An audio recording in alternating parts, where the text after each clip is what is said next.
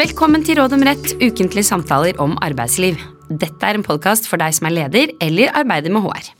I dag sitter jeg her, Ragnhild Nakling, som er partner og advokat i advokatfirmaet Reder, som vanlig sammen med Siri Falk Olsen, og har bestemt oss for at vi i dag skal snakke om retten til å kreve forhandlinger og søksmålsfrister. Og Siri, du er HR-direktør i en industribedrift hvor dere har gjennomført en større nedbemanning som endte med at 25 personer ble sagt opp. Det var en lang og tung prosess. Det er første gang du har hatt ansvaret for å håndtere en nedbemanningsprosess helt fra begynnelse til slutt. Oppsigelsesbrevene de ble sendt rekommandert til de berørte ansatte for en uke siden, og etter det så har du ikke hørt noe fra dem. Men du har akkurat mottatt innkalling til et ledergruppemøte i virksomheten, hvor administrerende direktør ønsker at du skal fortelle om status på prosessen, hva som vil skje videre hvis noen av de ansatte bestrider oppsigelsene. Administrerende sender deg noen raske spørsmål på e-post. Har noen fremsatt krav om forhandlinger? Er det en frist for å ta ut søksmål hvis noen er uenige? Du har egentlig hatt mer enn nok med å gjennomføre prosessen på en god måte, og du har ikke brukt så mye tid på å sette deg inn i hva som nå kan komme, hva som er situasjonen etter at oppsigelsene er blitt gitt. Men basert på spørsmålene fra administrerende direktør, så skjønner du at dette er jo noe du må se litt nærmere på nå. Og Siri, hvor skal HR-direktøren vår lete for å finne svar på disse spørsmålene? HR-direktøren bør begynne med å slå opp i arbeidsmiljøloven kapittel 17.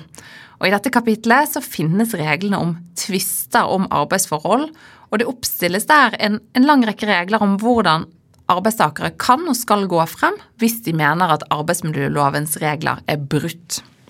Og er det sånn at kapittel 17 gjelder alle situasjoner hvor arbeidstaker mener at det har skjedd et brudd på arbeidsmiljøloven? Nei, ikke i alle situasjoner. Men dette kapittel 17 det gjelder ved tvister om oppsigelse. Og det er jo situasjonen som denne HR-direktøren kan ende opp i. Dvs. Si at en eller flere av de som har mottatt oppsigelse i nedbemanningen, mener at oppsigelsene er ulovlige. Og da gjelder reglene i kapittel 17. Eh, og de viktigste reglene da, eh, det er dette med retten til å kreve forhandlinger og fristene for å ta ut søksmål for domstolene. Så sier du at disse reglene om å kunne kreve forhandling og reglene som gjelder frist for å ta ut søksmål, gjelder i oppsigelsessaker. Eh, gjelder reglene også i andre situasjoner? Ja, de gjør det. I tillegg til tvister om oppsigelse, så gjelder reglene også eh, ganske naturlig ved tvist om avskjed. Og dette er kanskje de aller mest kjente reglene, og hvor mange arbeidsgivere er klar over at det gjelder regler for hva slags spor en etterfølgende uenighet, da, la oss kalle det det, må følge. Men det er ikke alle som er like godt kjent med at de samme reglene også gjelder hvis en arbeidstaker mener at reglene om fortrinnsrett er brutt, hvis man mener at reglene om midlertidig ansettelse er brutt, innleie eller suspensjon. Eh, og det er viktig at både arbeidsgiver og arbeidstaker er kjent med disse reglene. Eh, og dette er også regler som arbeidsgiver skal gi informasjon om i selve oppsigelsen, avskjeden eller beslutningen om suspensjon. Og det er jo nettopp for at arbeidstaker skal bli minnet på eller få informasjon om at det gjelder visse regler, og ikke minst frister, hvis det er sånn at arbeidstaker mener at arbeidsgivers beslutning er, er ikke riktig, da, er feil. Og der får man jo den påminnelsen som du sier, Siri, hvis det gjelder oppsigelse, avskjed eller suspensjon. Men man får jo faktisk ikke den påminnelsen eh, hvis det gjelder brudd på reglene om innleie eller midlertidig ansettelse. Så det kan være verdt å ha med seg at der må man huske på det selv. Absolutt. Men hvis vi går tilbake til eksempelet vårt, så har jo HR-direktøren fått et spørsmål om noen som, eller om noen, har fremsatt et krav om forhandlinger. Hva er det? Ja, arbeidsmiljølovens paragraf 17-3 det er den bestemmelsen som regulerer retten til å kreve forhandlinger. Og denne retten gjelder som jeg sa, både ved tvist om oppsigelse, avskjed, fortrinnsrett, midlertidig ansettelse, innleie og suspensjon. Men for enkelhetens skyld så vil jeg først og fremst snakke om retten til å kreve forhandlinger etter oppsigelse, som jo er situasjonen i eksempelet vårt med, med nedbemanning i industribedriften. Hvis arbeidstaker mener at oppsigelsen er ulovlig, så kan arbeidstaker fremsette et krav om forhandlinger innen to uker, og da skal arbeidstaker gi skriftlig beskjed om det til arbeidsgiver. Og innen to uker fra når? Når begynner fristen å løpe? Denne fristen den begynner å løpe fra det tidspunktet oppsigelsen eller avskjeden fant sted, som det står i loven. Og Med det så mener man tidspunktet oppsigelsen kom fram eller ble mottatt av arbeidstaker. Og Det er da altså regelen ved avskjed og oppsigelse. Men hvis det er tvist om fortrinnsrett, så begynner fristen å løpe fra det tidspunktet arbeidsgiver avslo krav om fortrinnsrett til ny stilling. Ved tvist om det har foreligget ulovlig midlertidig ansettelse, så begynner fristen å løpe fra det tidspunktet arbeidstaker fratrådte, eller da sluttet i stillingen. Og ved tvist om suspensjon, så gjelder fristen fra det tidspunktet suspensjon opphørte. Og så er det verdt å merke seg at hvor det er tvister om det foreligger, altså om det eksisterer akkurat nå, ulovlig innleie, midlertidig ansettelse eller suspensjon, altså da forhold som pågår og ikke avsluttet, da gjelder det ingen frist for å kreve forhandlinger. Og hvorfor er det ingen frist i de situasjonene? Det henger nok sammen med at i de tilfellene hvor en ansatt mener at det er et pågående og eksisterende lovbrudd, for å si det litt enkelt. F.eks. hvis en arbeidstaker mener at han eller hun er ulovlig midlertidig ansatt, ja, da, da, skal det ikke være noen frist for å kreve forhandlinger. Da har arbeidstaker rett til å påberope seg brudd på regler og si fra når som helst. Det er ikke sånn at man mister den retten bare ved at det har gått lang tid. Mm. Og hvis krav om forhandlinger ikke blir fremsatt etter fristen på to uker, da, kan man da si nei til forhandlinger? Ja, I utgangspunktet så mister arbeidstaker da retten til eh, forhandlinger. Det er likevel ikke noe i veien for at arbeidsgiver kan akseptere et krav om forhandlinger selv om det kommer etter at denne toukersfristen er utløpt.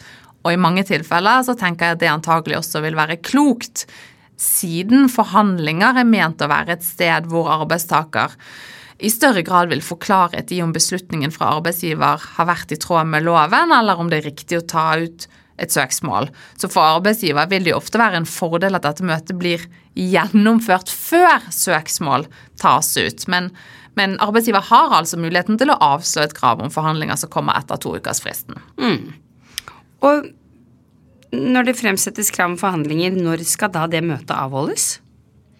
Hvis arbeidsgiver mottar et krav om forhandlinger, så er det sånn at man må sørge for at møtet blir avholdt snarest mulig som det står i loven, og senest innen to uker etter at kravet er mottatt. Så her snakker vi igjen om en to ukers frist. Og så kan man jo se for seg situasjonen hvor fristen ikke blir overholdt, hvis arbeidsgiver av ulike grunner ikke får til å avholde forhandlingsmøtet innen to uker. Hva skjer da?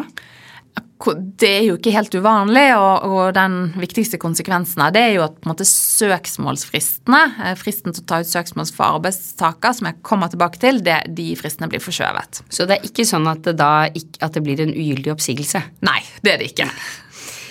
I en annen episode så har vi snakket om drøftelsesmøter, altså møter som skal avholdes før beslutningen om oppsigelse tas. Og hvordan skiller et drøftelsesmøte seg fra et forhandlingsmøte, Siri? Hva er gangen i det siste? Ja, eh, loven sier ingenting om hva som skal tas opp i et forhandlingsmøte. Og arbeidsmiljøloven snakker egentlig ikke om eh, dette som et møte i det hele tatt. Det står i loven at arbeidstaker kan kreve forhandlinger. Eh, det vanlige, og det vi vil anbefale hvis vi får et spørsmål, er jo, det er jo at det avholdes et, et, møte mellom arbeidsgiver og arbeidstaker. Også i dette møtet, på samme måte som i drøftelsesmøtet, så vil nei, arbeidstaker, og for så vidt også arbeidsgiver, men arbeidstaker vil kunne ta med seg en tillitsvalgt eller annen rådgiver. Eh, og arbeidsgiver også, selvfølgelig.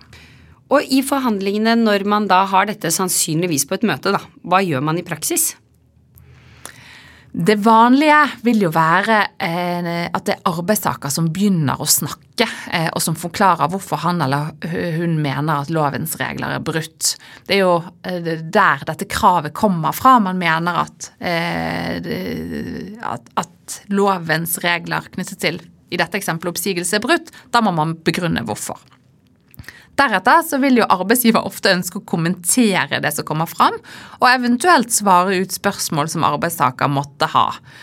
Så er det sånn at Forhandlingene de kan skje over flere møter, og loven har satt en frist eh, på at forhandlingene i utgangspunktet skal sluttføres igjen en toukersfrist innen to uker etter at det første møtet ble avholdt. Eh, og så kan man bli enige om lengre frist.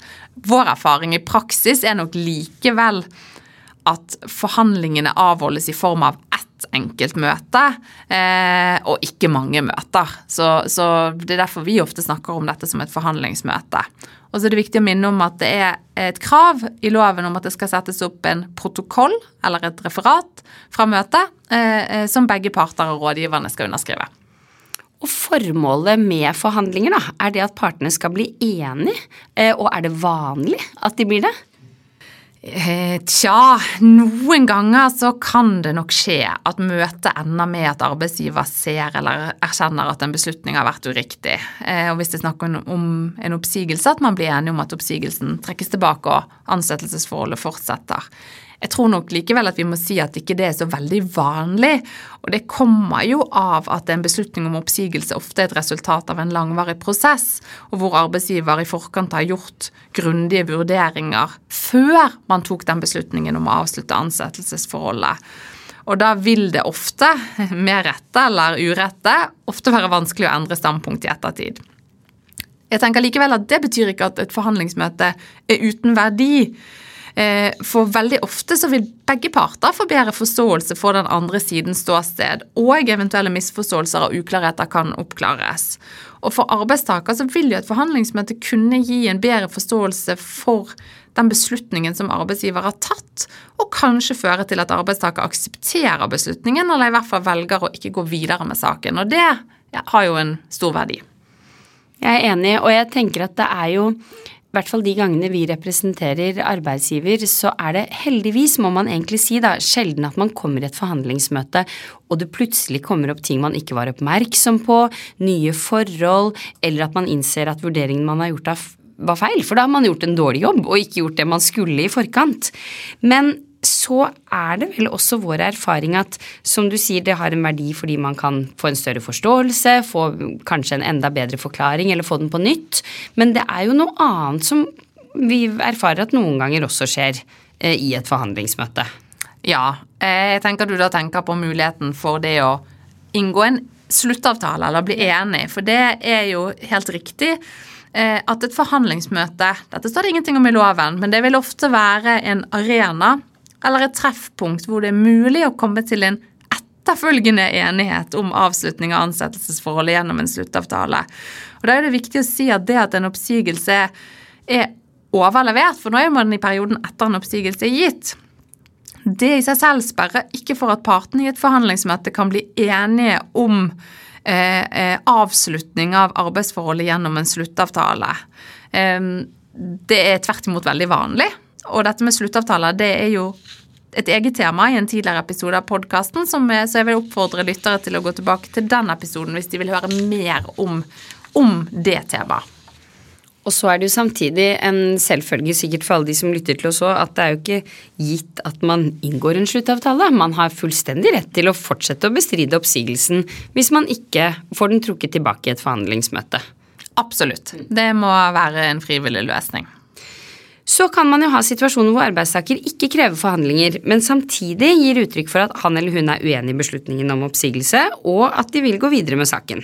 Kan da arbeidsgiver kreve at det avholdes et forhandlingsmøte selv om arbeidstaker ikke har krevd det? Ja, arbeidsgiver har også anledning til å kreve et eh, forhandlingsmøte. Hvis arbeidstaker tar ut søksmål eller gir beskjed om at søksmål vil bli tatt ut for domstolene, så kan faktisk arbeidsgiver kreve at det avholdes forhandlinger med arbeidstaker.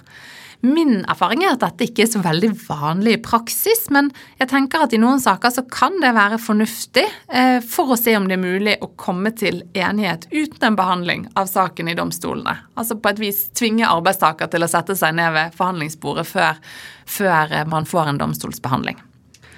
Og hvis partene ikke blir enige i et forhandlingsmøte, da, noe som vel er et ganske vanlig utfall i et forhandlingsmøte, de står like langt fra hverandre som før møtet startet, noen ganger enda mer, hva skjer da etter forhandlingene, hva er neste steg? Ja, da ligger den ballen hos arbeidstaker. For hvis arbeidstaker etter forhandlinger fastholder at denne beslutningen om i dette tilfellet oppsigelse, da, er feil, uriktig, ja, da må arbeidstaker ta ut søksmål for domstolene og be domstolene om å vurdere lovligheten av oppsigelsen. Og fristene for å ta ut søksmål, de er Søksmålsfristen i arbeidsmiljøloven de er tett knyttet opp mot denne retten til å kreve forhandlinger, og fristene står i arbeidsmiljølovens paragraf 17-4. Så hvis forhandlinger er avholdt, så løper søksmålsfristen fra forhandlingenes avslutning.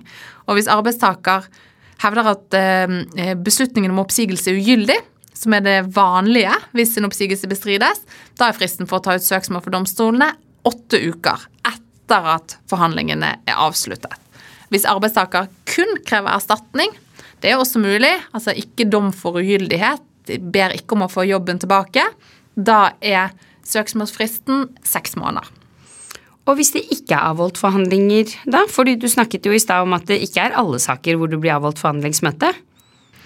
Ja, da er fristene fortsatt de samme, altså dvs. Si åtte uker eller seks måneder, avhengig av om arbeidstaker krever å få jobben tilbake eller ikke.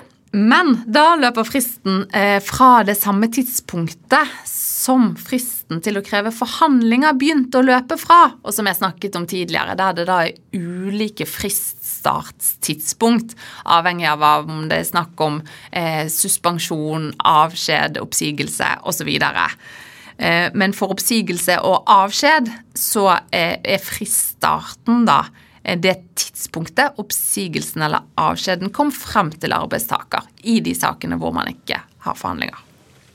Og fristene på åtte uker og seks måneder, gjelder de alltid i saker da om avskjed, oppsigelse, fortrinnsrett, midlertidig ansettelse og innleie? Oh, nesten alltid. Det gjelder likevel to viktige unntak eller presiseringer, vil jeg kanskje kalle det, til denne hovedregelen. For det første så er det sånn at i tilfeller hvor oppsigelsen eller avskjeden ikke ikke oppfyller lovens formkrav, altså disse kravene til hva som skal stå i en oppsigelse, da løper det ingen søksmålsfrist. F.eks. hvis en arbeidstaker får en muntlig oppsigelse på jobben, da løper det ingen søksmålsfrist. Og for det andre så gjelder det ingen søksmålsfrist i saker eh, om det foreligger et ulovlig midlertidig ansettelsesforhold, et ulovlig innleieforhold eller suspensjon det var litt det jeg snakket om tidligere, at hvis det er et pågående, eksisterende brudd på loven som ikke er avsluttet, eller hvis arbeidstaker mener det, da løper det ingen søksmålsfrist. Og jeg tenker igjen at det er ganske naturlig og rimelig. At hvis en arbeidstaker har vært ulovlig midlertidig ansatt over tid og fortsatt er i dette ansettelsesforholdet, så er det ikke noe frist i forhold til å si ifra om at man, man mener at arbeidsgiver her bryter loven. Og Vi snakker her om frister. Er det absolutte frister? Kan, hvis søksmål tas ut for sent, kan domstolene likevel behandle saken, eller ikke? Ja, Søksmålsfristene de er i utgangspunktet helt absolutte. Eh, og Det betyr at hvis en arbeidstaker f.eks. tar ut et søksmål ett år etter at han eller hun ble sagt opp, så skal ikke domstolen se på realiteten i saken. Da skal det søksmålet avvises, altså stenges ute på et vis. Så finnes det noen få unntak til denne hovedregelen. Det er noen særregler om at fristen til å ta ut søksmål på visse vilkår forlenges hvis oppsigelse gis under sykefravær eller under fravær pga. barns sykdom eller pleie av nærstående, som det står. Og så er det videre kan domstolen, hvis domstolen finner det rimelig, gi det som kalles oppfriskning, altså at domstolen ser bort ifra at fristen er oversittet, i noen særtilfeller hvor oppsigelse gis under permisjon ved svangerskap, fødsel, adopsjon, eh, eller omsorg for små barn eller militærtjeneste. Men det er altså ganske snevre unntakstilfeller. Eh, jeg nevner det derfor bare ganske kort. Utgangspunktet er disse søksmålsfristene er absolutte. Og da har vi snakket om hva søksmålsfristene er, hvem, hvem de gjelder og når de gjelder. Og det som kanskje gjenstår, er jo dette med noe med hensynene bak reglene. Hva er grunnen til at arbeidsmiljøloven har egne regler om frist for å kreve forhandlinger og frist for å ta ut søksmål? Og særlig dette siste som du sa og var inne på, kan jo virke ganske hardt. At søksmålsfristen er absolutte. Jeg tenker jo at dette handler mye om at de tvistene som er listet opp i arbeidsmiljølovens kapittel 17, og som reguleres av bestemmelsen om å kunne kreve forhandlinger og å ta ut søksmål, det er jo snakk om tvister som kan ha den konsekvens at arbeidsforholdet til slutt fortsetter som før. Fordi at det er jo saker som som kan ende med at en beslutning om oppsigelse da, for eksempel, blir sendt ugyldig, og at arbeidsforholdet da fortsetter. Det er jo eh, en beslutning som har eh, stor betydning, og det har store konsekvenser for arbeidsgiver. Og jeg tenker da at lovgiver har laget disse reglene sånn at arbeidstaker ikke kan forholde seg passiv over lengre tid hvis det er sånn at arbeidstaker mener at regler er brutt.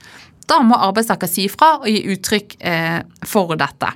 Og motsatt. Hvis arbeidstaker ikke sier ifra innenfor lovens frister, da må jo arbeidsgiver på et tidspunkt kunne innrette seg eh, på at f.eks. en beslutning er akseptert, og at arbeidstaker vil innrette seg etter dette. Og som HR-direktøren eksempelet vårt, kommer ikke det et krav om forhandlinger, og eller det ikke blir tatt ut søksmål innenfor lovens frister, ja, da må arbeidsgiver kunne innrette seg på at her blir det ikke eh, tvister og uenighet. Og det er jo et ganske viktig hensyn å ivareta. Så Siri, hvis du skal oppsummere dagens tema og prøve å gi noen oppsummerende svar som HR-direktøren i eksempelet vårt kan videreformidle til administrerende direktør, hva vil du si da? HR-direktøren bør huske på å videreformidle at fristen for å kreve forhandlinger det er i utgangspunktet to uker. Og søksmålsfristen begynner å løpe fra forhandlingenes avslutning. Da har arbeidstaker åtte uker på seg på å ta ut søksmål for domstolene hvis de krever jobben tilbake, og seks måneder hvis de kun vil kreve erstatning. Og til slutt, eh, hvis det ikke kreves forhandlinger, så er det viktig å huske at da løper søksmålsfristen fra oppsigelsen ble mottatt. Det var det vi hadde. Vi kommer tilbake med nytt tema og nye tips i neste episode.